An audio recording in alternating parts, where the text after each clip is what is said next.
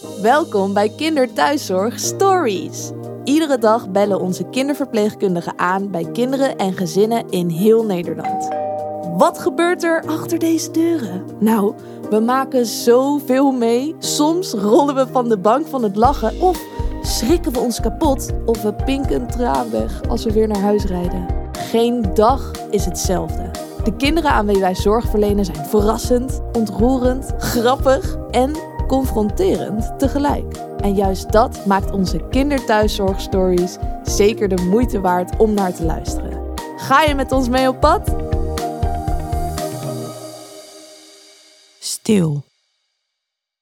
Heb je dit vaker gedaan? Haar bruine ogen kijken onzeker in mijn richting. Rustig knik ik. Jazeker. Ik laat de stilte vallen. Maar hoe doe je dat dan? En hoe doen al die andere ouders dit? De stilte resoneert. Ik voel dat het geen vraag is. Het is een afspiegeling van haar eigen angst. Haar wetenschap dat ze deze weg moet gaan. Dat ze geen keuze heeft. Niet kan zeggen dat ze dit niet wil. En ik heb het antwoord niet voor haar. Ik heb alleen mijn stilzwijgende mededogen. In de stilte is de zwoegende ademhaling van haar lieve meisje hoorbaar. De kleine borstkas van Fem worstelt bij elke ademteug. De handjes maaien. De oogjes schieten open, kijken nietziend rond en vallen weer dicht. Om vervolgens weer open te schieten en onrustig te bewegen. Ik zie hoe moeder vecht om de brei in haar hoofd te ontwarren. Hoe ze zich vastklampt aan elk lichtpuntje hoe ze telkens weer hoopt en dan haar wensen moet bijstellen. Vader stapt binnen en kijkt met een hartverscheurend angstige blik in de richting van zijn dochter. Ouders kijken elkaar aan en ik zie een stilzwijgend overeenkomen. Beiden kijken me aan en langzaam knikt moeder. Ik wil niet dat ze zo lijdt, zegt ze met een snik in haar stem. Vader zegt niets zijn gespannen kaak zegt alles. Ze wisten dat dit, voor hen zo grote moment, eraan zat te komen. Het hing hen als het zwaard van Damocles boven het hoofd.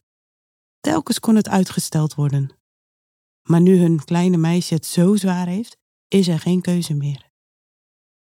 Samen met mijn collega's heb ik met de ouders meegelopen op dit pad. Toegeleefd naar dit moment. Binnen onvoorstelbaar korte tijd is er een diep vertrouwelijke band ontstaan. Het moeilijkst vind ik dat ik haar geen eten meer kan geven.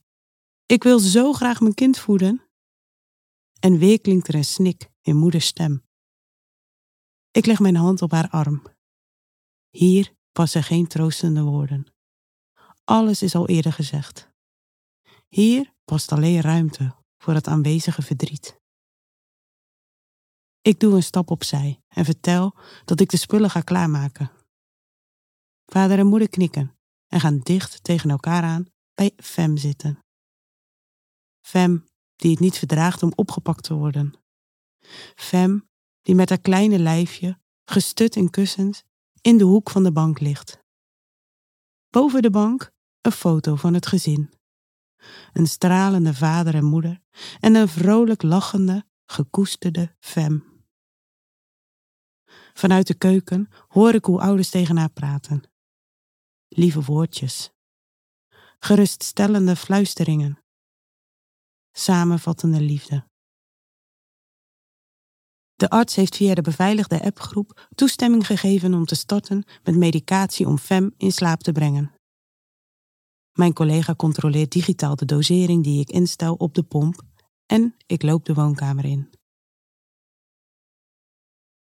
Mag de zonde eruit als ze toch geen voeding meer krijgt? vraagt vader. Het klinkt als een smeekbede en ik knik.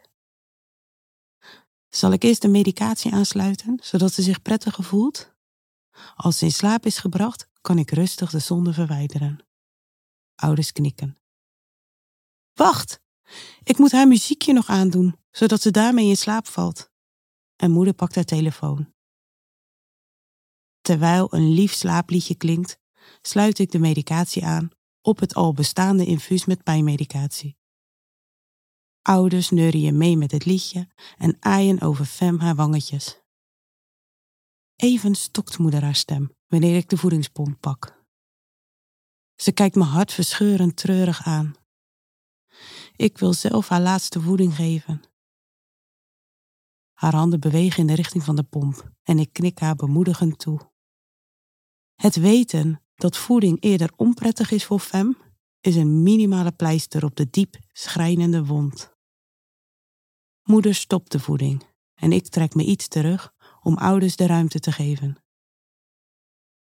Gek! Het is ook alsof er iets van me afvalt, zegt moeder. Vader knikt. Ik knik ook. Het is onverdraaglijk om je kind te zien lijden. De daadwerkelijke uitwerking is soms gemakkelijker dan de onzekerheid daarvoor. Gaandeweg wordt de ademhaling van Fem rustiger. Haar oogjes blijven dicht. De handjes stoppen met maaien. Voorzichtig verwijder ik de pleister van de zonde met behulp van speciale doekjes. Fem reageert er niet op. Heel langzaam verwijder ik de zonde. Moeder pakt een flesje olie en wrijft heel voorzichtig Fem haar wangetjes in. Ze kust het puntje van haar zondeloze neusje. Vader blijft onafgebroken naar het witte gezichtje kijken. Naar de kleine borstkas die onregelmatig op en neer gaat. Zoals vooraf afgesproken maak ik wat foto's van de ouders met Fem.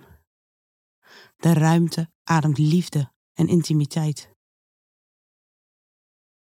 Ik ruim de spullen op die ik heb gebruikt en schenk voor beide ouders drinken in. Oma stapt de kamer in en ik zie hoe ze haar handen steunend op de rug van ouders legt.